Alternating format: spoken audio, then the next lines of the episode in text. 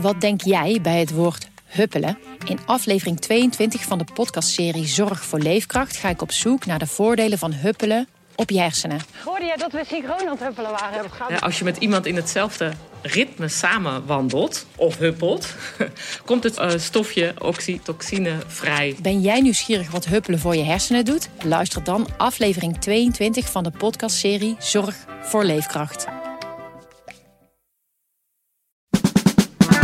Dit is de podcast Politiek Dichtbij. Met Tobias den Hartog en Thomas Brouwer. De weg naar een rechtskabinet lijkt open. Na een tweede duo-gesprek met Geert Wilders lijkt Pieter Omzicht heel voorzichtig open te staan voor verdere gesprekken met de PVV. Toch houden de partijleiders het nog vaag. Zijn alle blokkades voor een samenwerking tussen Wilders en Omzicht nu verdwenen? Dan en meer bespreek ik met Tobias van Hartog en Hans van Soest. Ja, Hans, ehm, ja, we zitten midden in het formatiespel. Kun je daar als liefhebber nou een beetje van genieten? Daar geniet ik echt enorm van. Want het leuke is, jij zegt we zitten midden in het formatiespel, maar we zitten eigenlijk pas aan het begin van het formatiespel. En wat je altijd ziet bij formaties is dat partijen, ook al dringt zich na een verkiezingen een soort van coalitie op die heel logisch lijkt, dat partijen dan toch altijd zichzelf in een positie proberen te manoeuvreren dat ze nodig zijn, zodat ze uh, meer kunnen eisen. Ja, iedereen probeert zijn onderhandelingspositie altijd uh, wat te verstevigen. Uh, nog los van allerlei principiële bezwaren die daadwerkelijk ook echt leven, bijvoorbeeld bij de partij van Pieter Omtzigt. Maar dat is altijd wel een fascinerend spel om te zien. Het is net een beetje als de liefde, Tobias. Als je het te graag wil, dan Dan gaat het wel eens mis, ja. ja. Nee, ja, en ik vind, ik, oh, ik moet ook gelijk denken aan Hans, die, die reageert heel enthousiast. Wij hebben een appgroep natuurlijk, uh, als redactie. En die, die in- en uitloopjes, die worden dan gefilmd door onze collega Wouter Peer. Die staat daar met zijn camera echt een uur, urenlang te wachten. Inmiddels heeft hij een boek van Kees Verhoeven, geloof ik, meegenomen van de redactie. Om zich een beetje te vermaken tijdens mm -hmm. die, dat wachten. En hij zendt dat dan door naar ons. En dan kunnen wij via een livestream kunnen we meekijken. En die, ja, die in- en uitloopjes van Wilders, van ons, van Van der Plas en. Het, het zijn allemaal niks zeggende teksten. Hè. We hebben prettig gesproken en constructief en bladibladibla. En dan proberen die journalisten toch nog door elkaar heen toch nog wat uh, los te peuteren. Dat lukt dan ook vaak wel. En dan, dan, dan ontstaat er ook altijd een soort van dynamiekje in die appgroep. Van wat zegt hij nou? Of uh, oh, nu zegt hij ineens dit, weet je wel. En, Op elk woord ja, wordt opeens... je gaat toch een soort... Kremlin-watje is ook... Het is Kremlin-watje, ja. Het is heel leuk. Oh, hij zegt nu niet dit en hij zegt nu wel dat. En het is ook niet dat het niks zeggend is. Het, het, het, het, betekent ook wel iets als ze iets niet zeggen of juist wel. Of hoe ze erbij staan gewoon. Ja, of hoe ze ja. erbij staan. Maar je moet dus echt met een vergrootglas kijken. En dat is toch eigenlijk ook wel heel erg leuk. Er zijn deze week allerlei duo-gesprekken geweest, Hans. Daar zijn we natuurlijk niet bij. Weten we nou hoe dat er aan toe gaat in zo'n kamer met Plasterk en Geert Wilders en Omzicht dan? Nou ja, in elk geval dat laatste, uh, die laatste gesprekken met uh, waar Wilders en Omzicht uh, bij elkaar zaten, daar moet in elk geval wat, wat zeer zijn weggepraat. Want we weten dat in elk geval bij aan de kant van Pieter Omzicht echt heel veel wantrouwen zat nadat Geert Wilders een week geleden ineens op Twitter, of ik ik, X, hè, ja, zeggen we tegenwoordig, sorry. Ja. Uh, zeg je dan ook een tweet? Of nou, noem je dat dan nu we nog? We doen wel een tweet. Dat is een tweet, dat mag je nog wel zeggen. In een tweet uh, wilde ze ineens uh, verklapt had dat er al een gesprek had plaatsgevonden buiten de verkenner om op de werkkamer van Wilders tussen hem en Omzicht. Nou ja, dat vond NSC en Omzicht vonden dat wel echt zo'n inbreuk in het vertrouwen. Dat moest wel echt even gerepareerd worden. Het was een, opnieuw een goed en constructief gesprek. En nu wachten we het, uh, en met vertrouwen het uh, verslag van uh, de verkenner, dat als het goed is maandag komt, af. Dus het tweede gesprek, zeer constructief en goed. Dus ja, ik heb er een goed gevoel bij en meer kan ik eigenlijk nu. Ik zie u allemaal met grote wenkbrauwen fronsen, maar meer kan ik niet zeggen. Het is een goed gesprek, een constructieve sfeer. Wilt u verder praten met de heer Wilders eventueel voor het vormen van een nieuw kabinet in een informatieronde? Ik wacht even het advies van de informateur af. Uh, hij gaat nu zijn advies schrijven. Maar zou u het willen? Uh, ik wacht rustig zijn advies af, maar ik heb er vertrouwen in dat hij een advies kan uitbrengen. Ik weet nu genoeg om als verkenner uh, mijn rapport te kunnen gaan schrijven. Het antwoord op de vragen van de Kamer over hoe een informatieronde er wellicht uit zou kunnen komen te zien. Dat leidt tot een, wat mij betreft uh, tot een advies over hoe een informatieronde uit zou kunnen zien. Ja, ik ga, ik ga hard schrijven en dan, uh, dan bied ik dat in principe maandag aan aan de voorzitter van de Tweede Kamer. En dan zou daar, naar ik heb begrepen, maar dat is natuurlijk aan de Kamer, woensdag een debat over kunnen zijn. Plasterk die wil dus de komende dagen flink gaan schrijven. Maandag dan een rapport uh, presenteren. We weten natuurlijk niet wat er in het rapport staat. Dat wordt nog geschreven. Maar we hebben al wel een beetje een vermoeden, toch, Tobias? Ja, en vooral omdat, kijk, niemand, uh, niemand zegt volmondig ja. Hè? Dus uh, ons zich niet. Wilders weten we het ook niet precies van, hoewel hij hem een goed gevoel en hij wil heel graag. Dus, maar er klinkt geen, uh, geen ja in koor van oké, okay, nu gaan we met z'n vieren echt formatiebespreking doen. Maar, dat klinkt maar ik dus hoor ook net van Hans dat dat ook nog niet slim is om te doen. Nee, precies. En belangrijker, er klinkt dus geen nee.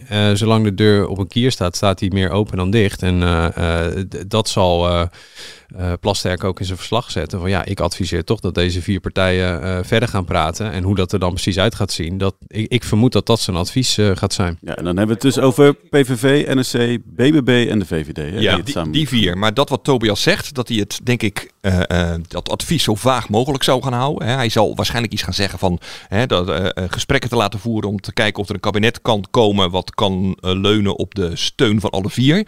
Maar wat voor soort kabinet dat wordt. En ja. uh, wie van die vier er dan in dat kabinet komen. En wie dat eventueel willen gaan gedogen. Ik denk dat u dat nog in het midden wil laten. Want dat is namelijk nog, nog los van alle inhoudelijke uh, hobbels die moeten worden genomen. Misschien nog wel de allergrootste hobbel. Omdat we weten dat de VVD wil gedogen. Dat heeft uh, al hardop gezegd. Maar ja, Omtzigt wil stiekem ook gedogen. Ik bedoel, dat heeft hij nog niet zo expliciet gezegd, maar dat is wel wat hij het liefste wil. Uh, ook omdat er binnen zijn partij gewoon echt heel veel Kamerleden zijn die echt gewoon principiële bezwaren hebben over de, met dat samenwerken met de PVV. Dus, uh, en Omzicht is sowieso, uh, weet je wel, nieuwe partij. Uh, hij wilde, hij heeft altijd gezegd, hè, we moeten voorzichtig beginnen. En moet hij dan ook meteen ministers gaan leveren? Dus ik denk dat Omzicht het liefst ook wil gedogen. Ja, en dan krijgen we dan een, een kabinet van PVV en BBB. Ja, dat is ook niet echt een hele gemakkelijke constructie. Dat dus is dan dit, wel echt een minderheid. Ja, dus dit, op hoeveel zetels kom je dan? Uh, dan kom je er op uh, 44. 44 ja. Uh, ja, dus dat wordt wel echt dus deze formatie die heeft echt nog heel wat ingewikkelde knopen om door te hakken. Ja, hoe kan zo'n Wilders, of hoe kan Plasterk eventueel, dan een omzicht nog wel overtuigen om toch mee te gaan doen echt in het kabinet en niet alleen te gaan gedogen? Nou ja, kijk, los van de, de brief van uh, omzicht aan de verkenner van, uh, van vorige week, die was echt heel omvangrijk. Hè? Dus dan heb je naast de anti-islam standpunten die dan in de koelkast zouden moeten, hè? en waarvan uh, omzicht dus al afvraagt van ja, wat betekent dat dan? Heb je ook nog dat hij vindt dat een regering uh, de internationaal uh, reputatie hoog heeft houden. Dat een uh, toekomstig premier zich in woord en daad als verbinder moet opstellen. Nou, dat leest allemaal als dat is Wilders allemaal niet. je moet internationale verdragen erkennen. Nou, dat geldt dus ook voor het vluchtelingenverdrag en het klimaatakkoord van Parijs. En, en dan is er ook nog dat onzicht in die brief. Hè, dus hij legt al heel wat hoepeltjes neer waarvan hij zegt van nou, daar zou Wilders dus doorheen moeten springen. En dan aan het einde van die brief doet hij ook nog iets bijzonders. Dat, dat hij ineens het een probleem vindt dat er in de Eerste Kamer geen meerderheid is voor een coalitie uh, van PVV, NS, uh, NSC, BBB en VVD uh, als, als VVD als gedoger. Dus daar, daar, daarin lijkt het dus, oké, maar dan krijg je dus een, een minderheidskabinet, wat hij problematisch vindt. Dan, dan zou die dus opteren voor die gedoogrol, wat Hans ook al zegt. Hè? Maar ja, dat heeft de VVD al. Wat blijft dan over? Nou, dan zou je nog naar een zakenkabinet kunnen kijken. Wat ja, dat dan precies in? Nou ja, dan, leven, dan, dan, dan worden de ministers aangesteld die eigenlijk vakminister zijn. Hè? Dus die verstand hebben van het terrein waar ze ook minister Niet van per gaan zijn. lid hoeven te zijn van de vier partijen. Ja, die hebben geen partijhoedje op. Maar ja, dat is een experiment waarvan je ook niet weet hoe dat afloopt en hoe stabiel dat is. Dus ik denk dat wij stellen vragen als hoe krijg je omzicht zover dat je naar een meerderheidskabinet en, en, enzovoort enzovoort. Maar we zitten echt nog helemaal ver, ver, ver terug. Het, het is echt, de, de boel moet nog in de grond verven, weet je wel. Dus ja, ze, ze, zijn eigenlijk alleen nog maar overeengekomen dat ze met z'n vieren een keer naar de, naar de verfwinkel gaan om uh, ja. uh, te kijken van goh, als we eventueel willen gaan schilderen, welke kleur verf nemen we dan? En het, het, duurt echt nog heel lang voordat ze eerst gaan schuren en lakken. En, Goeie analogie. dit, dit, is, dit, dit duurt echt nog heel lang. En vergis je ook niet in uh, wat Pieter Omtzigt eigenlijk het liefste zou willen. Tobias noemt zakenkabinet, maar dat is wel wat hij in de campagne een paar keer gewoon echt heeft geopperd. Mm -hmm. uh, en als je kijkt naar de verkiezingsuitslag, uh, die is, ik bedoel, als het gaat over migratie en asiel, kunnen deze vier het zo eens worden. Maar ja, als het gaat om overheidsfinanciën of uh, als het gaat om de aanpak van de stikstofcrisis, moet ik nog maar zien hoe ze dat gaan doen. En het kan dus best zijn dat uh, Omtzigt uh, toch gaat aansturen op zijn lievelingsmodel een, een vorm van een uh, zakenkabinet of extra parlementair kabinet, of hoe je het ook wel noemen wil. Je kan er alle labeltjes op plakken. Ja, waar dat dan voortdurend op zoek moet naar wisselende meerderheden. Dat is iets wat hij in die brief die Tobias net uh, aanhaalde, de brief aan de verkenner, ook al een beetje op hinten. Dat hij zei van ja, misschien moeten we nu eerst eens even gaan kijken. Moeten we met alle partijen uh, die zijn gekozen eens even gaan praten over hoe zij alle problemen in het land eens een keer willen gaan oplossen. En te kijken of we dan met wisselende meerderheden iets zouden kunnen gaan doen. Nou ja, dan kom je dus al snel aan een soort van ja, zakenkabinet. Met dan misschien wel helemaal niet Geert Wilders als premier. Ja, het, het kan nog alle kanten op. Ze moeten met z'n allen nog naar de verfwinkel. Hoe groot is de kans dat Plasterk mee mag naar die verfwinkel? Ik schat die kans hoog in. Ja, ik ook. Ja, ja. Kijk, het is gebruikelijk. Uh, komende woensdag uh, wordt dat verslag van die verkenner gesproken besproken in de Tweede Kamer. Uh, dan is het gebruikelijk dat uh, de grootste partij zeg maar, een motie indient met een voorstel. Uh, wie gaan we dan benoemen als Kamer als informateur? Nou, en dat wordt dan gesteund. Ja, ik, met wie moet Wilders anders aankomen dan met Ronald Plasterk?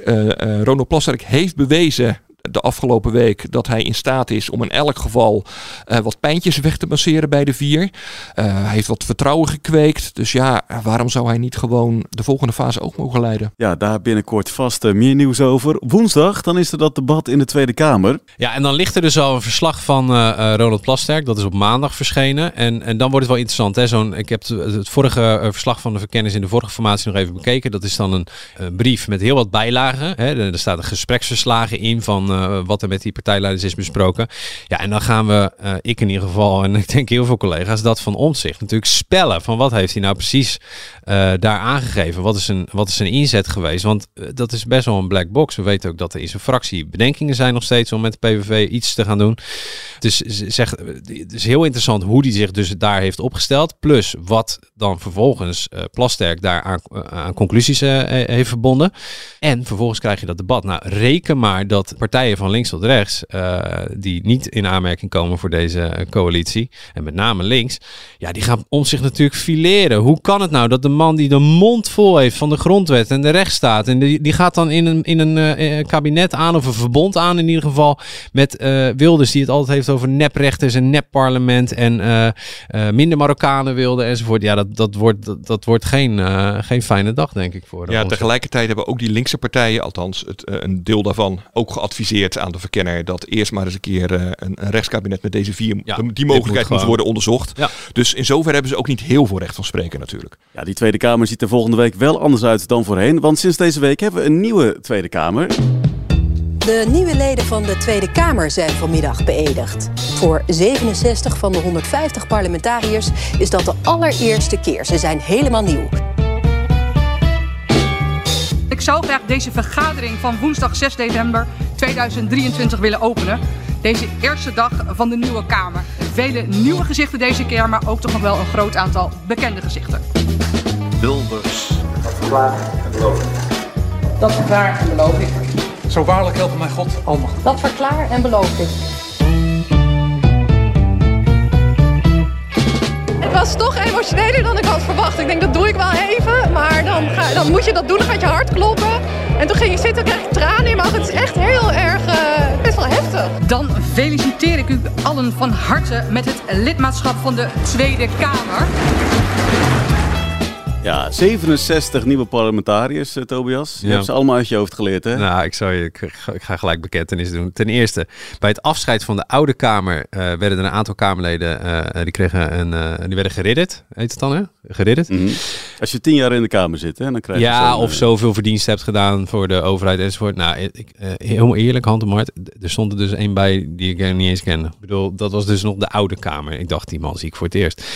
Vervolgens ging ik een dag later, hè, want de nieuwe kamer was geïnstalleerd, ging ik uh, naar de burelen van uh, NSC. Toch eens even kijken hoe die club van omzicht erbij zit. En ik liep eerst een kamer binnen met kamerleden. Die herkende ik wel van foto's uit de krant en zo. Dus ik ben even voorgesteld, een rondje gedaan.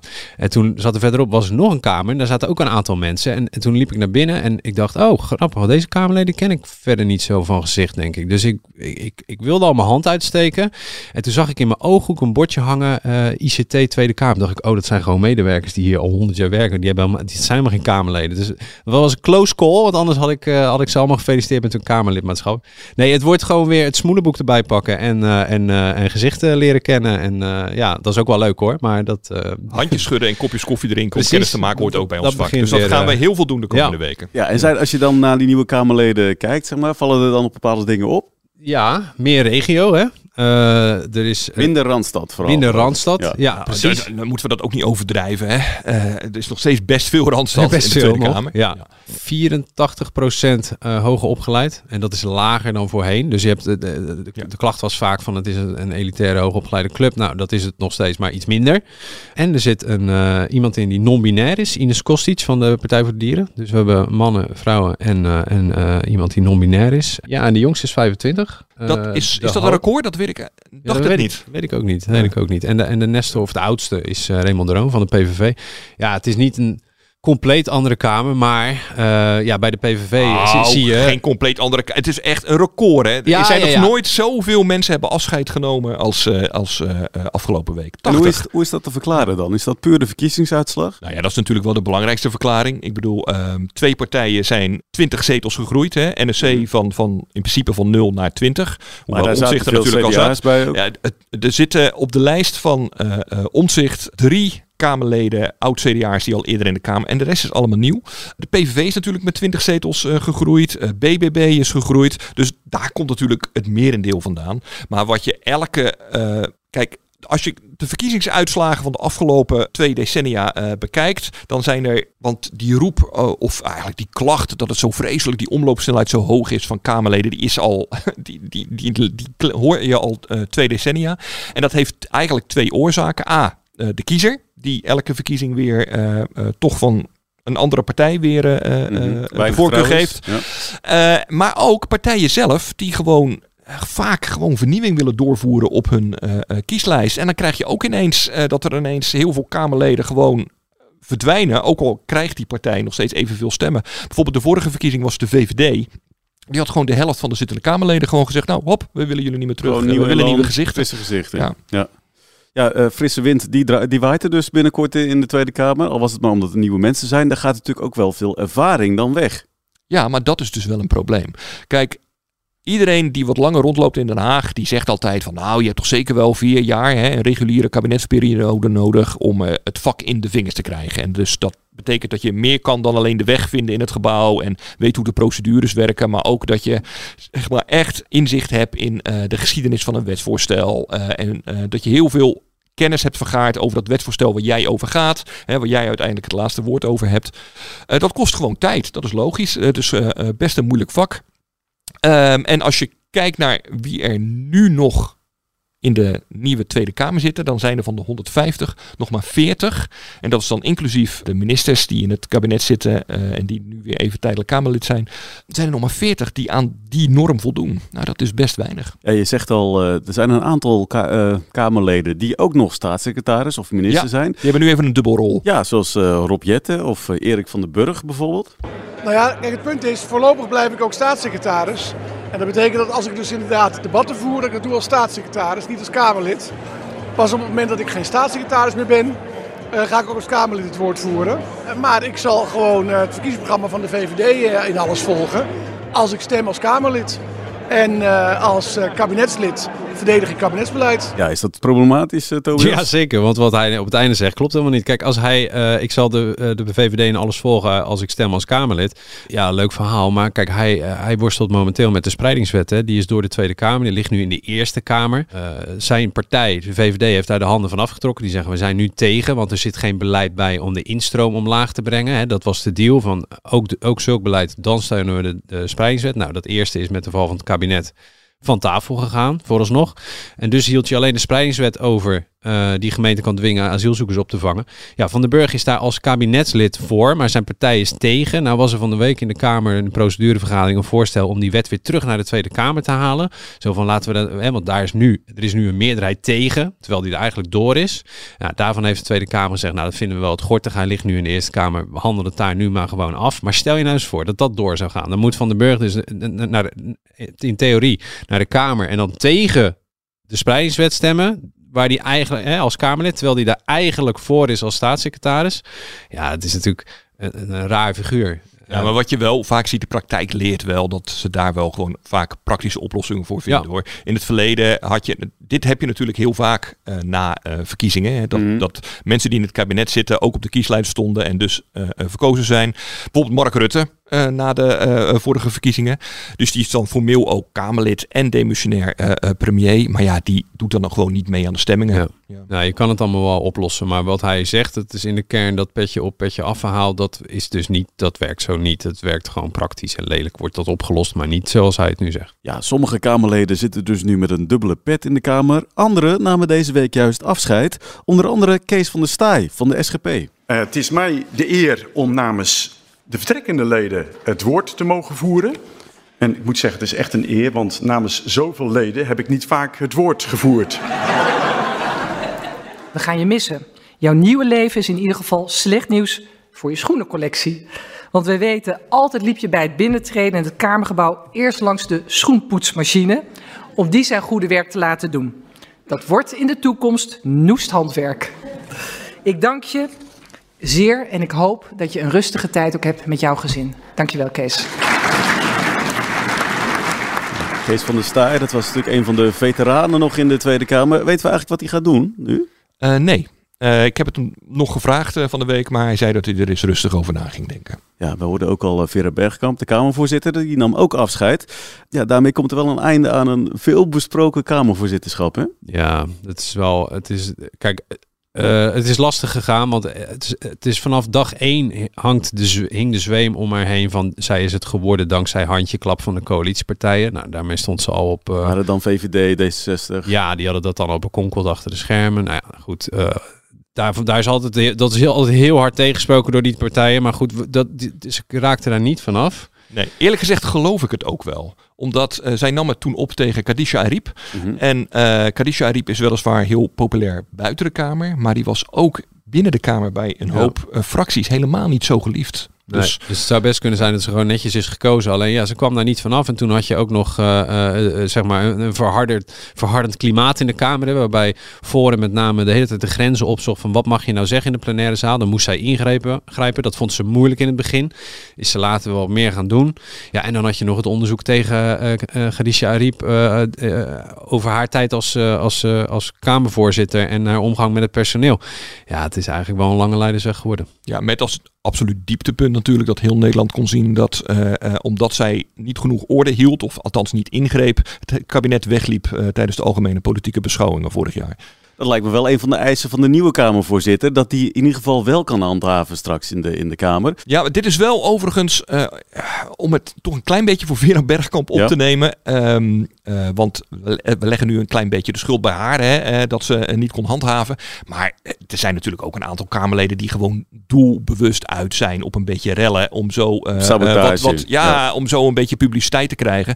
Dat is ook wel echt heel lastig. Want ja, een Kamerleed mag in principe zeggen wat hij wil. Mhm. Eh, eh, en bepalen wanneer iemand een grens overgaat, is ook best moeilijk. Het vak is niet makkelijker geworden natuurlijk de afgelopen eh, jaren. Dat kan ik me voorstellen. Maar toch, je wilt toch iemand die, die daar op een gemakkelijke manier mee om kan gaan straks.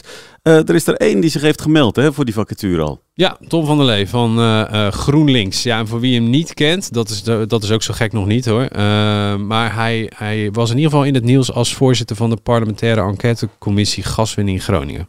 Het gaat ook om de morele verplichting om de schade en pijn die aan Groningen en Groningers is toegebracht weg te nemen en daar onvermijdelijk extra mankracht, geld en moeite voor vrij te maken. Is hij echt een kanshebber? Ja, dat is hij zeker. Eh, hij heeft in ieder geval de steun van eh, eh, links. Maar het gaat er ook vooral om wie is de tegenkandidaat. En de tegenkandidaat waarvan iedereen denkt dat hij tegenkandidaat wordt in ieder geval is Martin Bosma van de PVV. Die is ook al heel lang ondervoorzitter. eh zit al heel lang in het presidium, het, het dagelijks bestuur van de, van de Kamer. Eh, heeft het twee keer eerder geprobeerd, maar werd het toen niet. Eh, maar hij houdt zelf nog even in het midden of hij mee gaat doen. Wanneer gaat u nou een knoop doorhakken? Eh, ergens eh, dit weekend of zo, dan, eh, dan zal de sollicitatieprocedure opengaan. En dan ga ik kijken wat ik ga doen. Waar hangt het nou vanaf? Ja, of ik het wil. Maar waarom zou u het niet willen? Nou ja, ik kreeg vandaag, ik kreeg bijvoorbeeld weer een, een mailtje vandaag van een man die zei: stel u niet kandidaat, want dan gaan we u missen als, als woordvoerder in de Tweede Kamer. Dus dat is ook een overweging. Ja. En u heeft natuurlijk twee keer eerder al wel de vinger opgestoken. Twee keer gruwelijk ben ik ten onder gegaan. Dat was een beetje traumatisch. Nou, ik ben er wel weer overheen inmiddels. Dan kunt u het ook wel nog een keer proberen. Dat, zou een, dat, zou, dat is zeker een mogelijkheid, ja. Ja, schat hem eens in. Nou ja, als je het eh, zijn PVV-collega's eh, vraagt, die zijn in ieder geval van overtuigd eh, dat hij het nog een keer gaat proberen. Maar dat wil niet altijd wat zeggen, want we weten ook dat er niet altijd even goed gecommuniceerd wordt eh, binnen die fractie. Dus ik, ik durf het echt niet te zeggen. Ik vermoed dat hij het doet. En ik vermoed, als hij het doet, dat het dan ook wel bij die twee kandidaten blijft. Dat is nu even mijn inschatting. Hè. Iedereen kan zich nog tot dinsdagochtend, ik dacht tien voor tien, eh, kandideren. En waarom is dat? Omdat er heel veel, naar, hè, kijk naar de verkiezingsuitslag, er zitten heel veel kleinere fracties eh, in de Tweede Kamer nu. Er zitten er maar een paar wat grotere fracties. En al die kleinere fracties, die hebben gewoon geen zin om één iemand uit hun midden te moeten leveren aan het presidium, eh, het dagelijks bestuur, laat staan Kamervoorzitter. Die ben je gewoon kwijt in het dagelijkse handwerk. Dat kunnen ze niet missen. Dus dan heb je nog een paar grotere partijen. Nou ja, dat is dan eh, dus de PVV, Martin Bosma, GroenLinks, P van de A, Tom van der Lee. Nou ja, dan heb je nog de VVD. Maar binnen die partij hoor je eigenlijk van ja, dat ze daar niet van plan zijn iemand naar voren te schuiven, want die hebben al eh, eh, de, Kamervoorzitter in de Senaat. En dan heb je nog NSC eh, van Pieter Omtzigt, die wat groter is. Maar ja, daar zitten heel veel onervaren Kamerleden in. En de paar ervaren Kamerleden die die heeft, die zal hij heel hard nodig hebben om de rest te coachen. Dus ik vermoed eigenlijk dat het bij deze twee kandidaten zal blijven. Ja, en dan wordt het dus eh, anonieme stemming straks. Wordt het dan nek aan nek? Even op de achterkant van een bierveeltje. Eh, als het tussen die twee gaat, wel. Hè? Dus Bosma van der Lee, dan heb je links steunt van der Lee, eh rechts steunt Bosma. En dan valt het, eh, de, de beslissende stemmen, die moeten dan komen van de VVD en van NSC. Nou, ja, de vraag is, gaan ze dan eh, eh, over rechts? Dat kan, maar er is natuurlijk ook een linksdeel in de VVD en een deel binnen NSC die misschien wel iets op tegen hebben dat de PVV'er straks s- staatshoofden, buitenlandse staatshoofden ontvangt, het uithangbordje is van het parlement, eh, kransleggingen doet op de Dam. Ja, dat, sentiment moet je niet klein maken. Eh, dus dan, wordt het, dan is het echt een dubbeltje op zijn kant. En er is nog wel een scenario, als we die van Hans dan even terzijde schuiven. Stel je nou eens voor dat de VVD iemand naar voren schuiven. Ja, of om dat heel even inbreken, dan laat ik je verder praten. Wat natuurlijk ook zou kunnen, eh, is dat, want ik, ik praat nu vanuit het scenario dat partijen zelf afspraken maken over schuiven we iemand naar voren. Maar het gebeurt natuurlijk ook wel eens dat een Kamerlid gewoon zonder ruggespraak van zijn eigen fractie zichzelf kandideert. Hè? Eh, en zelf eh, gewoon eh, zonder dat hij daar toestemming voor heeft gevraagd van zijn eigen fractievoorzitter eh, een, een sollicitatiebrief schrijft. Dat is bijvoorbeeld gebeurd door Kadisha Ariep in het verleden. En die werd het uiteindelijk. dus Afijn, het kan ook nou, nu- succesvol dus zijn, Het kan het zo ook best zijn Ja. dat er toch een VVD'er is of een NSC'er of eh, iemand van een kleinere fractie. Ik vermoed het niet dus. Maar die toch eh, denkt eh, lekker eh, eigenwijs. Ik stuur een sollicitatiebrief, want ik wil het graag worden. En nu weer terug naar Tobias. Nou ja, dan zou je dus, hè, stel dit scenario, en stel je nou eens voor dat dat VVD Roelien Kamminga is, hè, dat is nu de, de tijdelijke voorzitter, is, is zij benoemd. Dan krijg je dus twee stemrondes. En dan zou het dus zo kunnen gaan dat in de eerste ronde die Kamminga bijvoorbeeld VVD en NSC achter zich krijgt. En dan zou Bosma kunnen afvallen. Dan zou je dus de tweede stemronde, dan gaat het ineens tussen Van der Lee en Kamminga. En dan wordt het Van der Lee weer, denk ik. Dus er kan ook een rare dynamiek ontstaan. Dit is echt een, een, een, een hele kleine kans en een eh, veel minder logische, geef ik direct toe. Eh, maar er zit nog wel wat eh, dynamiek in. Komende donderdag weten we het, hè? Ja, wordt, wordt best wel leuk. Spannend. En dan hoor je het hier natuurlijk weer eh, vrijdag dan bij ons. Ja, zeker. Ja, als we sowieso kijken naar volgende week. We hebben eigenlijk het programma al een beetje doorgenomen. Hè? Zijn er nog eh, verrassingen waar we rekening mee moeten houden? Nee, het debat over de verkenning en de verkiezingsuitslag is, eh, is groot. En, eh, en eh, het debat over de voorzitter en de benoeming van de voorzitter is natuurlijk groot. Ja, en ik zou maandag zou ik, het verslagje van Plasterk zo heerlijk eh, bij een haard eens eventjes rustig gaan lezen. Nou, het is altijd meer dan één pagina. Het is niet één briefje. Er zitten altijd bijlagen bij. Ja, dat vind ik altijd wel smullen. We kijken er naar uit. Tot zover deze aflevering. Vind je dit nou een leuke podcast? Abonneer je dan. Dat kan via Spotify of Apple Podcast. En volgende week, dan zijn we er weer. Tot dan.